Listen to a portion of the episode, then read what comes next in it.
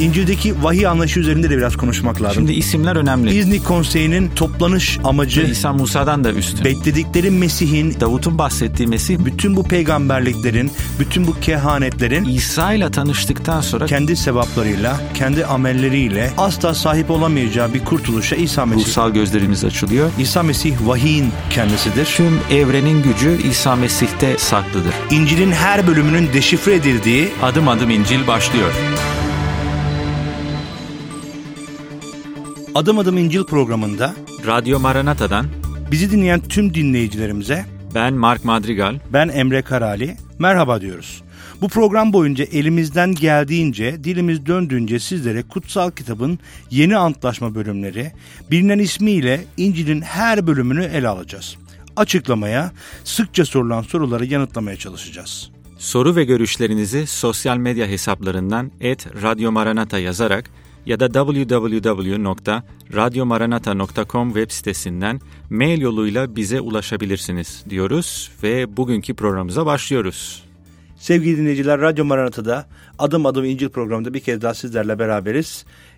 E, Kutsal Kitabın yeni antlaşma olarak isimlendirilen İncil'in her bölümü üzerinde konuşarak bu bölümleri e, daha derin bir şekilde kavrayabilmek için e, elimizden geldiği dilimizden dönünce sizlerle paylaşmaya çalışıyoruz Mark'la beraber.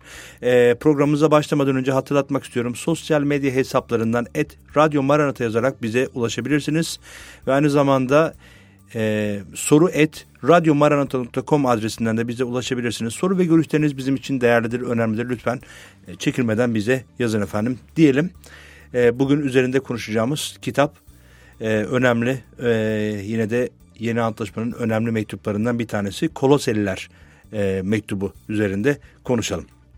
Milattan sonra e, 58 e, 62 yıllar arasında yazıldığı Yani e, hapis, e, ev hapsi döneminde, Pavlus'un ev hapsi döneminde yazılan yazılardan bir tanesi bu aynı zamanda. Evet yazar çok net bir şekilde Pavlus olduğunu aslında görebiliyoruz e, mektuptan. Evet şimdi belki e, hani bölümlerini bahsetmeden önce, ana temalarını bahsetmeden önce biraz Kolose Kilisesi'nden bahsedelim. Yani e, bağlama anlamak lazım. Eğer ki e, bir mektubun mesajını anlamak istiyorsak ilk önce biraz o kitleyi tanımak lazım. Dolayısıyla Koloseler kimdi? Biraz ondan bahsedelim. E, Kolose aslında günümüzde e, Denizli Honas köyü yakınlarında bulunan antik yerleşke. Bir antik yerleşkedir. İlginç bir yer çünkü henüz kazılmadı. Yani e, Türkiye'de biliyorsunuz binlerce arkeolojik e, alan var. Bu kazılmayan sit alanlardan bir tanesi. Aslında düşünüyorum da keşke kazılsa da turizme kazanılsa. Çünkü e, yedi kiliseleri gezen, e, böyle dini yerleri gezen çok sayıda turist var. Ve burada da büyük potansiyel var ama nedense henüz Evet, burası din, din kazılmadı. turizmi açısından önemli ve özel. E, hem de Denizli'ye de büyük bir kazanım sağlayabilir. Tabii. Ee, o zaman Honas köyü yakınlarında bulunan e, bu kent yaklaşık bir 10 bin nüfusa sahipti. Ve e, yün üretimi yapan sanayi bir kentti aslında.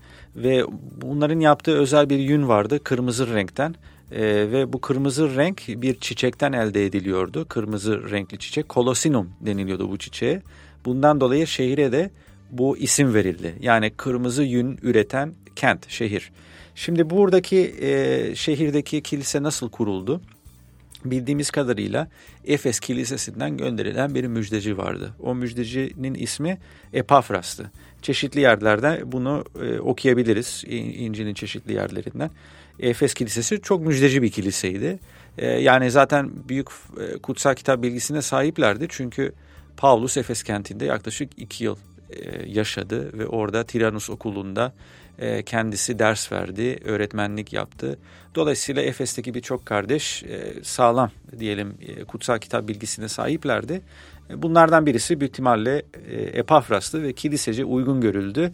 E, Denizli yakınlarına gönderildi ve orada Kolose'nin yanı sıra büyük ihtimalle e, Hierapolis'teki kiliseyi ve Laodikya'daki kiliseyi de kendisi kurmuş olabilir. Herhalde zaten o da oralıydı. Bir şekilde kendi ana vatanına dönmek istemiş, orada müjdeyi duyurmak istemiş. Evet zaten Efes bir e, liman kentiydi. Dolayısıyla oraya gelip e, iş, iç için gelip de orada e, kalan sonradan oradan ayrılan insanlar da vardı. Belki de onlardan biriydi efendim. Evet, şimdi e, Kolosse'deki kilise Filimon adında zengin bir iş adamının evinde toplanıyorlardı. Şimdi Kolosse'ye yazılan e, tek mektup bu değil. Onun altını da çizelim. Filimon adında başka bir mektup var İncil'de. O da aslında bu kiliseye yazılmış. Daha çok Filimon'un kendisine yazılmış bir mektuptur. Adı üstünde Filimon mektubu. Dolayısıyla bu kiliseye veya bu kilisedeki kişilere iki mektup yazılmıştır İncil'de. Biz sadece e, Koloseliler. Evet, yani biz İncil'deki kilisene- sırayla gittiğimiz için e, bu program boyunca dolayısıyla şimdi e, bir önceki programda Evet. Filipliler mektubu, e, bu programda Koloseliler Evet. mektubundan Ama devam bu, ediyoruz. bu mektup sadece Kolose Kilisesi'nde değil, e, Hierapolis bir Kilisesi'nde de bölgeye evet. e, okunmak üzere. Zaten e, mektubun sonlarında doğdu. Paulus diyor ki bu mektubu okuduktan sonra lütfen Hierapolis'teki kiliseye de gönderin. Hierapolis'te bir parantez açalım. Bugünkü Pamukkale. Yani e, orada antik yerleşke e, Pamukkale'yi hepimiz biliyoruz. Resimlerden görmüşüzdür veya internetten, Evet. televizyondan Eğer görmüşüzdür. gitmediyseniz mutlaka tavsiye ederiz gidip görmenize. Evet aynen öyle. Ee, şimdi e, bu e, kilise küçük, E, şehir küçük, E, imanlılar e, gayretli, imanlar Rabbi seviyor ama şöyle bir sıkıntı var. Yakınlarında iki önemli şehir var.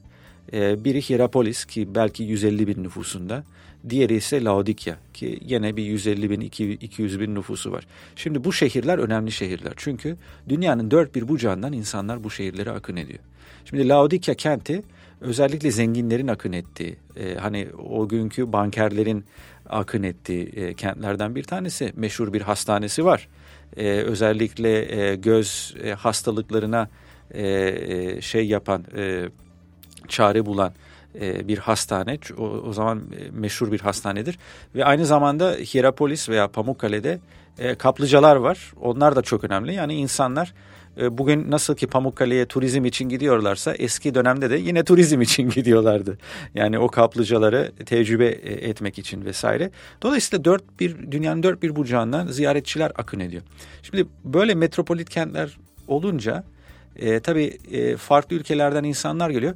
Kendileriyle beraber farklı felsefeler getiriyorlar. Ve düşünce akımları. Düşünce akımları getiriyorlar. Dolayısıyla ne oluyor? Zamanla e, bu yöredeki yaşayan imanların kafaları yavaş yavaş karışmaya başlıyor. Evet. Yani bir sapkın bir takım öğretiler e, oluşmaya e, başlaması için elverişli bir, bir yerde aslında orası. Evet yani şimdi birazdan detaya bakacağız ama e, mektuptaki yer alan bazı imanla, imalardan şunu öğreniyoruz. E, kimisi diyor ki işte meleklere de dua etmeliyiz, onlara da tapmalıyız şeklinde bir düşünce belirtiyor. Kimisi belirtiyor ki e, işte tamam Mesih'i kabul edelim ama aynı zamanda işte şeriatvari kuralları da benimseyelim, e, şeriatçılığı da benimseyelim diyorlar. Kimisi başka bir şey diyor. Dolayısıyla farklı farklı felsefeler e, geliyor ve tabii imanlı kardeşlerin kafaları e, karışıyor. Sadece o değil aynı zamanda e, Yahudilerin de orada bir yasacı bir tavrı var. Yine de Pavlus'un genel mektup e, mektuplarında genel olarak değindiği konular arasında. Dolayısıyla bir şekilde bu yasacı, e, yasayla kurtuluşu sağlayacak e, bir takım e, öğretilere karşı da Paulus konuşmaktadır. E, aslında önemlidir ve mektubun genel yazılış amacı da bir şekilde bu sapkın öğretileri, Mesih'e ait olmayan bu öğretileri bir şekilde karşı kiliseye uyarmak. Evet, dolayısıyla Paulus bu mektubu yazarken hem kiliseyi uyarmak istiyor ama aynı zamanda bir teşvik vermek istiyor. O teşvik nedir? Mesih'in yeterliliği konusunda. Yani e, özellikle kafa karıştıran bu felsefeleri sırtlarını çevirmelerini tavsiye ediyor ve Mesih'e odaklanmalarını, Mesih'in aslında tüm hayatımız için yeterli tek şey olduğunu vurgulamak istiyor. Ve kristoloji açısından da çok önemli mektuplardan bir tanesi aslında. Tabii çünkü Mesih'in kimliğiyle ilişkin, onun rolüyle ilişkin e, detaylı bazı açıklamalar olacak Paulus tarafından. Ama burada şu, belki şu soruyu sormalıyız. Yani e, biz hayatımıza neyi aşılıyoruz? Çünkü e, biz sürekli beslenen insanlarız. Evet fiziksel olarak besleniyoruz değil mi? Yani günde iki öğün, üç öğün artık diyetteyseniz belki bir öğün bilmiyorum. bir öğün az olur yani. bir öğün az olur değil mi? Ama sürekli besle, be, be, besleniyoruz değil mi? Bizim beslenmeye ihtiyacımız var fiziksel olarak değil mi? Hayatta kalabilmemiz için. Kesinlikle. Ama fark etmediğimiz bir şey var. Biz ruhsal olarak da besleniyoruz. Evet. Sürekli. Gördüklerimiz, duyduklarımız, Aynen. izlediklerimiz, Dolayısıyla biz ne- nelerle besleniyoruz? Bu önemli bir soru. Çünkü çok fazla farklı kaynak var.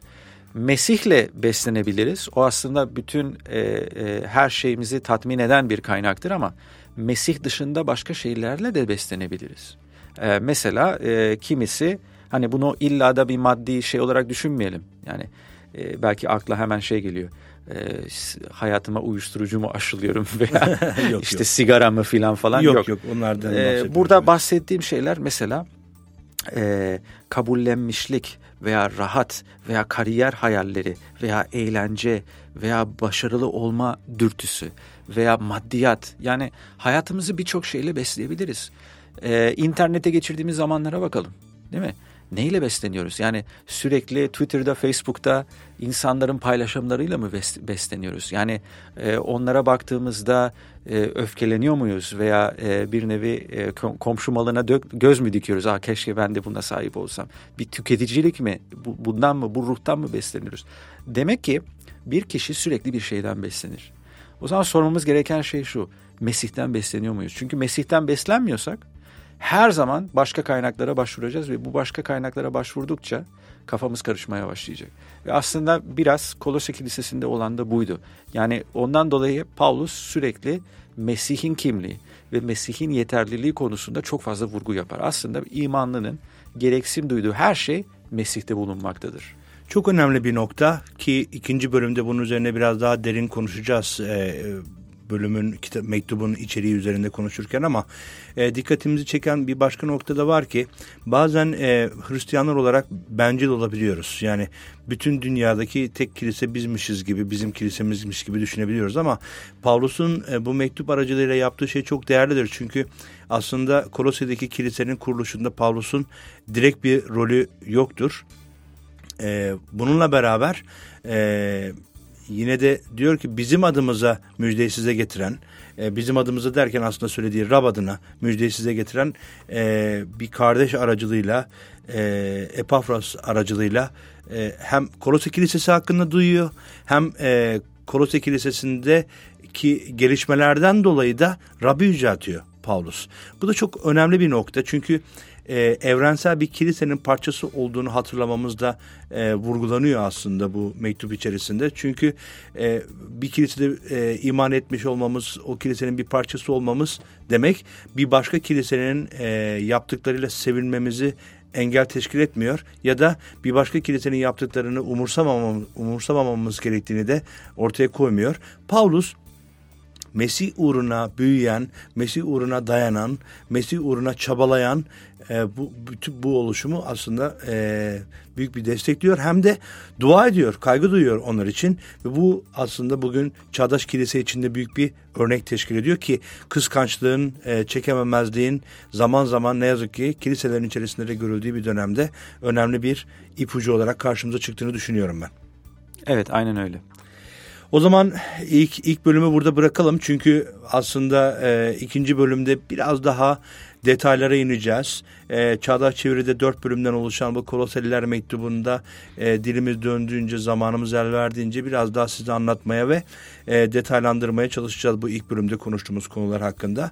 Dolayısıyla Pavlus tarafından kurulmasa da e, Epafras ismindeki bir kardeş tarafından kurulsa da bu kilise, Pavlus'un bu kilise kiliseyle ilgili temennileri uyarıları ve e, Tanrı'nın o kilise için yaptıkları yaptıkları karşısında e, nasıl onları yüreklendirdiğini e, ikinci bölümde biraz daha detaylı bir şekilde konuşacağız. Araya gitmeden önce hatırlatmak istiyorum. Sosyal medya hesaplarından et Radyo Maranata yazarak bize ulaşabilirsiniz. Facebook'tan, Instagram'dan, Twitter'dan hangi sosyal medya hesabını kullanıyorsanız. Aynı zamanda da e, soru et radyomaranata.com adresinden de e-mail yoluyla bize ulaşabilirsiniz. Soru ve görüşleriniz bizim için önemlidir diyelim. E, ilk bölümü burada bitirelim. İkinci bölümde görüşmek dileğiyle kısa bir araya gidiyoruz efendim.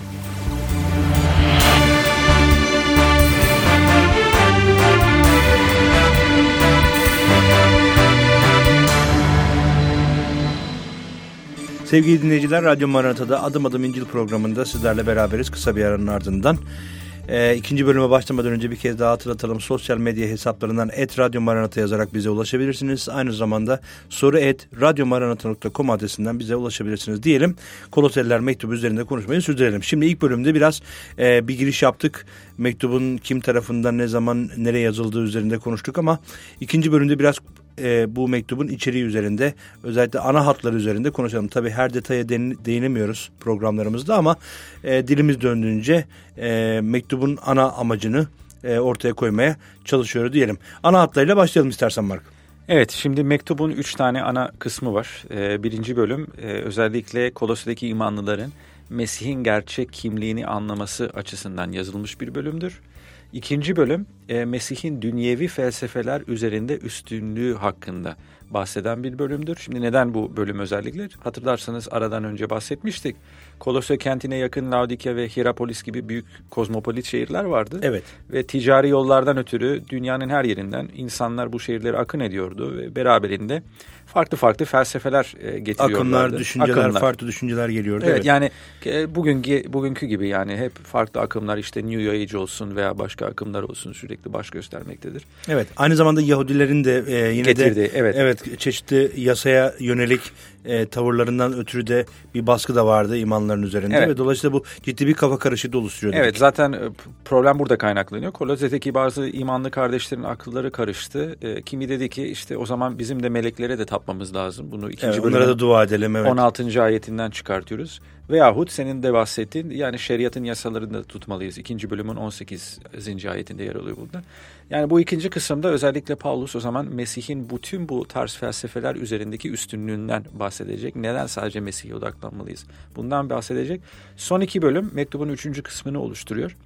O da Mesih'i bütünüyle yaşamanın hayatımıza getireceği değişiklikler. Çünkü bu da önemli. Yani Mesih hayatımıza girdiğinde bizim hayatımızı değiştiriyor. Hayatımızı derken e, hayata bakış açımızdan bahsediyoruz, karakterimizden bahsediyoruz, eylemlerimizden bahsediyoruz. Mesih bizi tümüyle değiştiren bir kişidir eğer ki onu hayatımıza kabul edersek. O zaman birinci kısımdan başlayalım. Birinci bölüm özellikle Mesih'in ilahi kimliğine ilişkin evet. Paulus'un derin bir açıklamasını. Kristoloji olarak da aslında e, ilahiyatta isimlendirilen Mesih'in kimliğiyle ilgili çok derin öğretiler var. Evet. E, dolayısıyla burada bazı ilginç ayetler var ve bu ayetler bazen e, bağlamından kopartılıp yanlış anlaşılabiliyor. Mesela 15. ayette diyor ki e, Mesih hakkında görünmez Tanrı'nın görünümü bütün yaratılışın ilk doğanı odur. Evet. Şimdi bu cümle oldukça önemli bir cümle ama doğru anlamak lazım. Çünkü bazı insanlar yanlış anlıyor. Yani ne demek? Yani ilk dünya yaratılırken e, Mesih mi yaratıldı şeklinde bir düşünce. İlk yaratılan o mudur gibi. O mudur şeklinde ki bu genellikle Yehova şahitlerinin e, sahip olduğu düşünce ve kilise tarihi içerisinde özellikle İznik konsülünde evet. E, Aryusçu görüşte buydu. Yani sanki e, kelam veya Mesih'in e, ruhu e, zamanın başlangıcında yaratıldı e, şeklinde bir görüştü bu. Bundan bahsetmiyor burada. Evet bu Gnostizmde e, bu bundan etkilendi biraz. Evet Gnostisizmde bu var, Aryusçulukta bu var, Yehova şahitlerinde de e, bu var. Kelamın özü ezelidir. Yani kelamın özü Tanrı ile birdir. Dolayısıyla aynı özü paylaşmaktadır ama buradaki ilk doğan kelimesi aslında miras hakkı ile ilgili. Yani e, eski dönemde e, bir aile düşünün. Ailenin çocukları var değil mi? Genellikle miras hakkı veya aile ismini taşıma hakkı kime geçiyor? İlk doğan çocuğa geçiyor değil mi? İlk doğan çocuk aile mirasını taşıyan, aile ismini bir sonraki nesillere taşıyan, ailenin zenginliklerini sahiplenen e, miras alan çocuk oluyordu. Yani aslında bizim kültürümüz buna çok uzak değil. Her ne kadar batıda İstanbul tarafında ya da işte Ege kıyılarında yaşayanlar kısmen biraz daha batıya e, ağırlıklı olarak yüzleri dönük olsa da e, ülkemizin güneydoğu bölgesinde hala bu e, yapı mevcudiyetini koruyor. Orada da sırf e, e, tıpkı bu Orta Doğu kültürünün içerisinden gelen bu e, anlayış vardır. Dolayısıyla e, bizim çok yabancı olduğumuz bir kültür, yabancı olduğumuz bir e, nokta değildir. Evin en büyüğü olarak, evin reisi olarak vardı ve aileler bir arada yaşıyordu. Tabii onu da söylemek lazım. Şimdi herkes dağılmış biraz. Dolayısıyla o günün koşullarında e, bütün aileye hükmeden kişiydi bir anlamda. Mirasında e, büyük payının sahibi olan kişiydi. Evet. Dolayısıyla burada önemli bir e, çıkarım yapılıyor. Yani madem ki kendisi mirasçıdır o zaman ne demek oluyor? Her şey onun için yaratıldı. Yani nitekim ayet devam ediyor. Yerde gökte görünen ve görünmeyen her şey tahtlar, egemenlikler, yönetimler, hükümdarlıklar onda yaratıldı. Her şey onun aracılığıyla ve onun için yaratıldı. Yani nihai olarak e, Mesih İsa için, onun krallığı için e, yaratılmıştır diyor. Ve zaten 17. ayette diyor her şeyden önce var olan odur. Evet. Yani oradaki ifadede aslında zamanın e, başlangıcında yani zaten yaratılış bölümü de öyle başlıyor e, ilk ayetlerinde başlangıçta Tanrı ve yeri ve göğü yarattı diye başlarken aslında aynı ayet kökünden gelen e, aynı ifade görüyor. Yani zamanın bizim anladığımız anlamda zamanın başlangıcındadır çünkü Tanrı zaten e, zamandan münezzehtir. Evet demek ki kendisi yaratılışın ilk doğanı yani e, yaratılışı yaratan ama aynı zamanda yaratılış onun için yaratmış, yaratılmıştır. E, kendisi için yaratılmıştır. Başka sıfatlar kullanılıyor. İlk ayette atladık. Görünmez Tanrı'nın görünümü. Bu ne demek oluyor? Yani bir kişi Mesih'i gördüğünde aslında Tanrı'yı görmüş oluyor. Evet zaten İsa kendi havarileriyle de benzer bir sohbet yaşadı. Ee, Yuhanna bölümünde bunun bunun izlerini görebiliyoruz. Orada öğrencileri soruyorlar nasıl gidebiliriz e, Tanrı'nı? Diyor ki yani bu kadar zamandır aranızdayım sen nasıl babayı görmedik dersin. Evet. Dolayısıyla e, İsa orada çok açık bir ifadeyle kendi havarilerine, kendi öğrencilerine de e, kendini görenin aslında Tanrı'yı görmüş olduğunu e, net bir şekilde ifade ediyor. Evet ve aslında Grekçe kullanılan kelime yanlış hatırlamıyorsam ikonadır. Yani görüntü e, kelimesi. Yani aslında biz Mesih'i gördüğümüzde e, Tanrı'yı görmüş oluyoruz. Ben Mesih'in bedenini bir e, televizyona benzetiyorum şu şekilde. Yani televizyonda bir ekranda e, bir resim belki bir kişi görüyoruz konuşan bir kişiyi. Aslında e, o kişi televizyonun içinde e, fiziksel olarak değil ama e, bir nevi bir şey e, görüntüyü bize yayınlıyor. Yansıtıyor. Yansıtıyor. Evet. Dolayısıyla Mesih'in e, bedeni aslında bir nevi bu televizyon gibi bizi babayı gösteriyor. Bizi Tanrı babayı göstermektedir. Dolayısıyla biz Mesih'i görüyorsak babanın kendisini görmekteyiz. Biz Mesih'in sözünü işitiyorsak Tanrı'nın kendi sözlerini işitmekteyiz. Biz hı hı. Mesih'ten bir şey alıyorsak Tanrı'dan e, doğrudan almaktayız. Yani bu çok önemli. Yani az önce e, bahsettiğim Yuhanna 14. bölümde şimdi bakıyordum ayetlere. 14. bölüm 9. ayette Filipus da bu sohbeti yapıyor İsa. E, Filipus ona babayı bize göster diye söylediğinde diyor ki İsa Mesih bunca zamandır sizinle birlikteyim. Beni daha tanımadın mı? Beni görmüş olan babayı görmüştür sen nasıl bize babayı göster diyorsun. Çok açık bir şekilde aslında beni gören e, o sema babayla birdir. Bu da anlamak gerekiyor çünkü Tanrı evreni yaratan büyük bir güçtür. E, Musa peygamber de onu görmek istedi ama Tanrı ona açıkça söylüyor. Diyor ki e, beni görüp de hiç kimse hayatta kalamaz. Dolayısıyla hani bu e, büyük bir e, elektrik akımı gibi bir anlamda hani anlayabilmek açısından.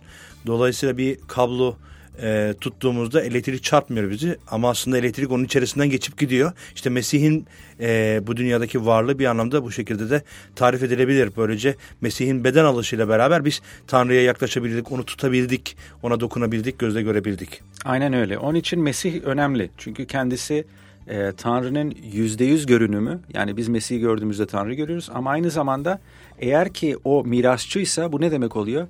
Yani bizim gereksinim duyduğumuz her şey kimde bulunur? Sadece ve sadece Mesih'te bulunur. Başka kaynaklara ihtiyaç yok ve bundan dolayı aslında Paulus burada bir vurgu yapıyor. Bu da önemli çünkü kültürümüzde İsa Mesih sadece bir peygamber olarak anılmaktadır.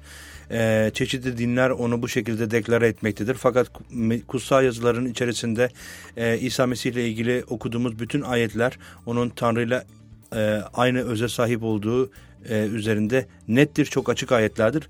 Burada da bunun bir örneğini ortaya koyuyoruz. Dolayısıyla e, Mesih'in kimliğini bilmek aslında e, Kolosya Kilisesi'nde yaşanan veya da bugün günümüzde yaşanan her türlü baskı, e, sapkın öğreti veya yanlış düşünceleri de ortadan kalkması için de çok derin bir e, anlam ifade etmektedir. O zaman neyden bahsettik? Kendisi Tanrı'nın mükemmel görünümü, e, kendisi ilk doğandır. Yani bütün e, tanrısal haklara sahip olan kişidir. Ama aynı zamanda diyor ki e, Mesih'in çarmıhta akıtılan kanı aracılığıyla esenliği sağlamış olarak yerdeki gökteki her şey onun aracılığıyla kendisiyle barıştırmaya razı oldu. Yani aynı zamanda bizi Tanrı'yla barıştıran ara bulucudur kendisi. Çünkü bizim günahlarımız ceza gerektiriyor. Evet ve kefaret Mesih İsa'nın kendisi. Ve Mesih, Mesih İsa'nın kanı sayesinde bu kefaret kurbanı sayesinde Mesih İsa bizi Tanrı'yla barıştıran aracı oluyor. Ve dahası olay burada bitmiyor çünkü kendisi aracılık yaptı ama şimdi nasıl ki kendi e, kendisi e, dünya yarattıysa kelamıyla şimdi yeni bir şey yaratıyor. O da nedir? Kilisedir. Ve kilise nedir aslında? Mesih İsa'yı kabul etmiş bireylerin topluluğudur. E, Mesih'in baş olduğu yeni İsa Mesih'e iman eden, onun için yaşayan insanların toplamı cemaatidir kilise aslında. Evet zaten bir önceki e, programlar takip edenler bilecek Efes Kilisesi'nde de benzer bir benzetmeyle Paulus seslenmişti. Dolayısıyla Kolose Kilisesi'nde de kilise e, Mesih'in bedeni onun baş olarak da resmedilmektedir e, burada. İstersen ikinci parçaya geçelim yavaş yavaş çünkü e, Tabii ki tabii zaman, ki. Zamanı aşıyoruz sürekli. O zaman ikinci bölüme geldiğimizde bu Mesih'in e, dünyevi felsefeler üzerinde üstünlüğünü e, görmekteyiz. E, madem ki e, İsa Mesih'in geliş nedeni neydi? Bizi günahımızdan kurtarmak, bizi kölelikten kurtarmak. Çünkü bunun farkında olmayız.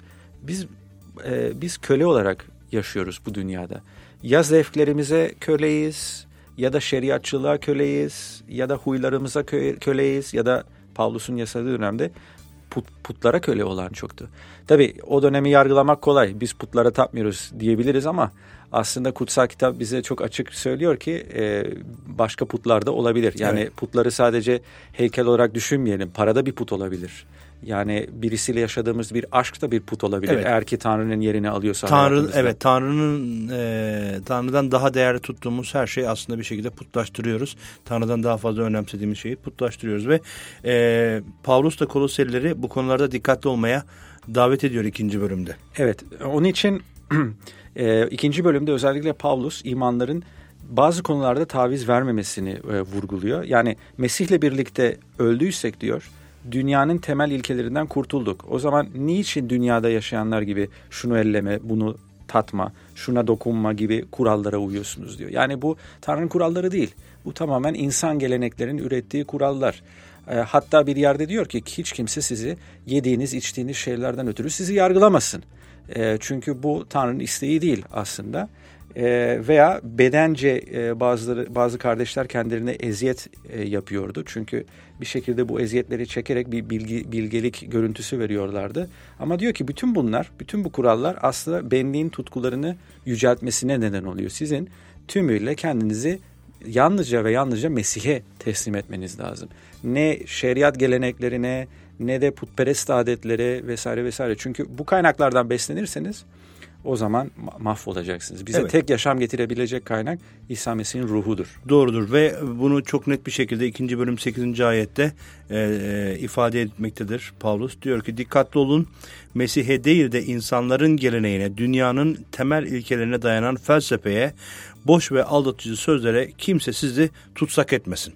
Yani eğer bir şeye tutsak olmak istiyorsak e, bu Tanrı'nın kendisi olmalıdır. Tanrı'ya tutsak olalım. Yani o Evet. konuda o konuda teşvik ediyor aslında. Ama bu konuda imanlar olarak da dikkat etmeliyiz. Çünkü ben şahit oldum e, sosyal medyada e, mesela imanlılar e, tartışıyor. E, kimisi diyor ki e, Rabbin sofrasını yaparsak işte e, mayasız ekmek kullanmak kullanmamız lazım. Kimisi diyor ki yok mayasız da olur. Kimisi diyor ki ah, siz şarapla yapmıyorsunuz sadece üzüm suyuyla yapıyorsunuz. O zaman Rabbin sofrası geçerli değildir.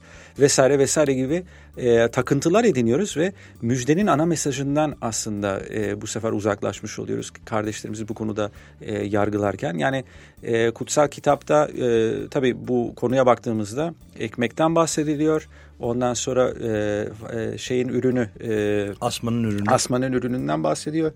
E, şarap mıydı değil miydi? Belki şaraptı ama tabii o dönemki şarap bu dönemki şaraptan farklı filan falan. Yani birçok açıklama getirilebilir de bir şey unutuyoruz. Rab bizi tutsaklıktan özgür kılmaya geldi. E tekrar bu geleneklerin altında kendimizi belirli kurallara yediğimiz içtiğimize göre tutsak kılmayalım. Zaten İsa Mesih diyor. Kimse ne yediğiniz ve içediği Pavlus'un kendisi diyor. Yediğiniz içtiğiniz konusunda kimse sizi yargılamasın. Çünkü böyle yapıyorsak o zaman ferisilerin hatasına düşmüş Aslında oluyoruz. benliğin bizim üzerimizdeki bir etkisi diyebilirim. Çünkü biz yaptık, biz başardık, biz oluşturduk demeye bayılıyoruz. Aslında Tanrı'nın yapmaya çalıştığı şey bunun tam aksidir. E, kendimizi inkar ederek, e, dünyayı inkar ederek bir şekilde Mesih'in Mesih'i giyinmemiz üzerinde bizi yönlendiriyor. O zaman bu imanlar olarak da bu konuda dikkat etmeliyiz. Yani sırf bazı insanlar bizim gibi gelenekleri sürdürmediği için onlar kötü imanlıdır, tükaka filan demek o da yanlış. Yani Mesih'in Evet, isteği bu gelenekleri değil. sürdürdüğü için de e, aynı şey geçerlidir. Yani Evet. sırf bu gelenekleri sürdürüyor diye o yanlış yapıyor ben doğruyum e, değil. Tek doğru Mesih'in kendisidir ve onun baktığı şey bizim yüreklerimizdir bu fiziksel hareketlerden çok. Anahtar nerede? Üçüncü bölüme geldiğimizde aslında Pavlus'un önemli mesajlarından bir tanesine geliyoruz. Diyor ki Mesih'le birlikte dirildiğinize göre gökteki değerlerin ardından gidin. Asıl Mes- mesaj. evet. Asıl mesaj. Mes- Mesih orada Tanrı'nın sağında oturuyor. O zaman ne diyor? Burada eski kimliğinizi değil, yeni kimliğimizi giyinerek yaşamamız lazım. Şimdi bu giyinme e, konusu da ilginç. Çünkü ne dedik? Kolose kenti yün üretimiyle e, tanınan bir kentti Büyük ihtimalle e, burada güzel e, giysiler filan üretiliyordu. Dolayısıyla bu benzetme pek uzak değil dinleyicilere. Evet. Şimdi eski kişimiz yani Mesih'ten önceki ben neyle yaşıyordu? Küfürle, iftirayla, çeşitli ahlaksızlıklarla, insanları kötülemeyle, hor görmeyle. Ama eğer ki biz Mesih'i giyindiysek, Mesih'i imanla kabul ettiysek, onun ruhu tarafından değiştirildiysek, onu giyindiysek o zaman yeni bir kişiyiz. O zaman bizi e, başkalarına, başkaları bizi gördüğünde görmeleri gereken şey ne? Merhamet, cömertlik, sevgi, bu tarz özellikler. Bu yeni yaratılışı giyinmek olarak bunu tanımlıyor Paulus. Evet. E, dolayısıyla e, eğer ki Mesih'le birlikte öldüysek o zaman Mesih'le beraber Mesih'in değerleri ardınca bizim de yaşamamız lazım. Ve daha sonra özellikle üçüncü bölümün ikinci kısmında e, bunun pratik örnekleriyle e, bize Değiniyor, evet. İşte aile hayatı olsun e, veya e, iş ilişkilerindeki e, ilişkiler olsun vesaire. Hem de aynı zamanda bu ikinci bölümde, üçüncü bölümün ikinci bölümünde Paulus e, yine de günümüzde de çok etkin olan bir başka konuya da değiniyor. E, hangi etnik kökenden, hangi ırktan, hangi soydan geldiğimizle ilgili değildir Mesih'le ilgili durumlar. E, işte bütün bu yenilikler işte Grek ya da Yahudi, sünnetli ya da sünnetsiz, barbar, iskit, köle, özgür ayrımı yoktur diyor.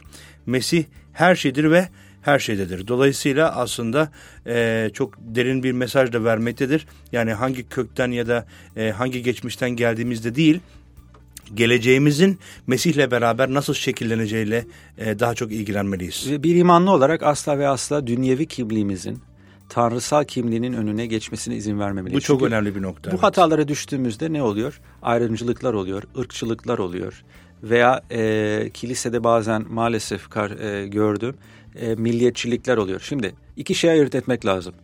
E, tabii ki vatansever olmalıyız. Tabii ki ülkemizi sevmeliyiz. Tabii ki halkımızı sevmeliyiz. Ama benim ülkem, benim halkım diğerlerini döver, diğerlerinden daha üstün gibi tutumlara giriyorsak o zaman aslında müjdeye karşı bir tutum sergilemiş hala, oluyoruz. Hala bu dünyanın e, değerleri ardından koştuğumuzu gösteren bir tutumdur. Çünkü Petrus'un söylediği çok güzel bir laf var birinci Petrus'ta. Diyor ki bu dünyada yabancı ve konuğuz. Dolayısıyla aslında geçici bir dünyada yaşadığımızı hatırlamalıyız. Ve Tanrı'nın gözünde her şeyden önemlisi Mesih'e ait olmak demek, e, Mesih'in gözleriyle insanlara bakmak demektir ki Mesih İsa insanlara baktığında bu şu ırktandır, bu ırktandır, şu milliyettendir, bu milliyettendir diye bakıp bakmıyor bize. Nasıl bakıyor? E, bize baktığında aslında bizim kalbimize, bizim yüreğimize ve bizim kim olduğumuzla ilgilenerek bize bakıyor. Dolayısıyla bu alışkanlık kilisede oluşmalıdır. Pavlus e, net bir ifadeyle bu bunu da kırıyor. Bu e, milliyetçi e, yaklaşımlar yani e, milliyetçi yaklaşımlar derken senin söylediğin gibi hani kendi ülkemizi sevmemek adına değil ama e, benim ırkım senin ırkından üstündür, benim milletim senin milletinden üstündür tartışmaları yerine ne diyor? E, birbirinize hoşgörülü davranın. İşte birinizin diğerinden bir şikayeti varsa Rabbin sizi bağışladığı gibi siz de birbirinizi bağışlayın. Dolayısıyla bu öğütlerle aslında Mesih'in bedeninin tam bir birlik içerisinde başın yönetiminde hareket etmesi gerektiği konusunda da e, yönlendirmeleri de var Pavlus'un. Evet, şimdi bir imanlının pratik hayatta e, yönünü belirte, belirtmesi gereken karakter özellikleri var. Bunlardan en önemlileri bir tanesi alçak gönüllülük, diğeri fedakarlık. Onun için üçüncü bölümde özellikle e, aile ilişkilerine vurguda bulunuyor. Mesela diyor ki, ey kadınlar Rabbe ait olanlara yaraşır biçimde kocalarınıza bağımlı olun. Ama olay orada bitmiyor. Diyor ki, ey kocalar kadınlarınızı sevin. Onlara sert davranmayın. Ey çocuklar her konuda anne babanızı sözünü dinleyin. Çünkü Rabbi hoşnut eder. Ama orada da bitmiyor. Diyor ki ey babalar çocuklarınızı incitmeyin. Yoksa cesaretleri kırılır. Yani 7'den 70'e erkek olsun, kadın olsun, çocuk olsun, e, yetişkin olsun hepimize düşen bir görevdir bu. E, bu e, sevgi örnekleri olmak, fedakarlıkta bulunmak, her açıdan e, Mesih'i temsil ederek e, örnek yaşantı sürdürmek. Ve Kolosya Kilisesi'nin bunun için e, teşvik ediyor, bunun için pekiştirmeye çalışıyor Paulus. E, her ne kadar bu kilisenin kurucusu olmasa da e, kardeşler için ortak temennisi aslında bütün Hristiyan inancına mensup insanlar için ortak temennisini de burada görüyoruz. Ve e, nasıl bitiriyor Paulus? Yavaş yavaş oraya geçelim çünkü ayrılan sürenin sonuna geldik biz ayrılan sürenin ama... E, bütün bunların içerisinde yani bu Kolosya'daki e, halkın yaşayışı, işte çeşitli kültürel akımların, e, ke, felsefi akımların, çeşitli düşünce akımlarının, e, çeşitli inanç sistemlerinden çıkıp gelen insanların bir araya gelip e, hepsinin kendi düşüncesini ortaya koyduğu bir e, ortamın içerisinde e, Pavlus'un kiliseyi davet ettiği şey bilgece davranmak ve fırsatı değerlendirmek. Yani e, bütün bu e, gelenekler, bütün bu akımlar, bütün bu düşünce akımları içerisinde e, onlara kapılıp gitmek yerine Mesih'e sımsıkı tutunarak bunu bir fırsat saymak ve e, bu bütün bu gelenekleri, bütün bu felsefi e, durumları Mesih'in e, müjdesini e, bir fırsat olarak değerlendirmek, Mesih'in müjdesini iletmek için bir fırsat olarak değerlendirme konusunda da kiliseyi teşvik ettiğini görüyoruz. Ama bunu yaparken bir kavgayla değil, o da önemli. Ee, bazen e, kendi düşüncelerimizde haklı olduğumuzu düşündüğümüzde karşıdakini eziyoruz ama ne diyor 4. bölüm 6. ayette sözünüz tuzla terbiye edilmiş gibi her zaman lütufla dolu olsun. Böylece herkes herkese nasıl karşılık vermek gerektiğini bileceksiniz diyor. Şimdi burada çok önemli bir şey var. Çünkü İsa Mesih insanlara yaklaştığında onları kötüleyerek yaklaşmadı. Her zaman lütufla yaklaştı. Bunu bir ilke olarak hayatımıza edinmeliyiz. Yani bazen yine sosyal medyadan görüyorum beni e, üzüyor. Ee, bazı imanlı kardeşler var. Yani belki Müslüman bir öz, özgeçmişten geliyorlar. İslam'ı terk etmişler. Mesih'e sarılmışlar hamdolsun ama Sonra gidiyorlar sosyal medyada İslami karalayan, Kur'an'ı karalayan filan falan. Ee, yani o bir ince çizgi var. O ince çizgiyi geçmemek lazım. Gerçekler gerçektir. Yanlışlar varsa bunlar dile getirilmelidir ama her zaman bir saygı üslubu içerisinde o çizgiyi, o saygı çizgisini geçmeden, hani insanları kötülemeden, insanlara hedef göstermeden bunu yapmak lazım. Bu çok önemli. Bazen maalesef bazı kardeşler kantarın topuzunu kaçırıyoruz. Evet, evet. kaçırıyorlar. Yani amacımız insanları Mesih'i sevdirmek. E, dolayısıyla bütün davranışlarımız, sözlerimiz, tutumlarımız evet. insanlara Mesih'i sevdirecek şekilde olsun. Pavlus'un ifadesiyle sözlerimiz tuzla terbiye edilmiş e, olsun ve lütufla herkese yaklaşalım diyelim. Peki e, ve selamlamayla bitiyor mektup aslında. Biz de selamlamayla e, bu bölümü tamamlayalım. Koloseliler bölümü üzerinde konuştuk. E, umarım ki her biriniz için, dinleyen herkes için bir bereket kaynağı olmuştur. E, ben Emre Karali. Ben Mark Madrigal. Bir sonraki programda görüşmek dileğiyle efendim. Hoşçakalın.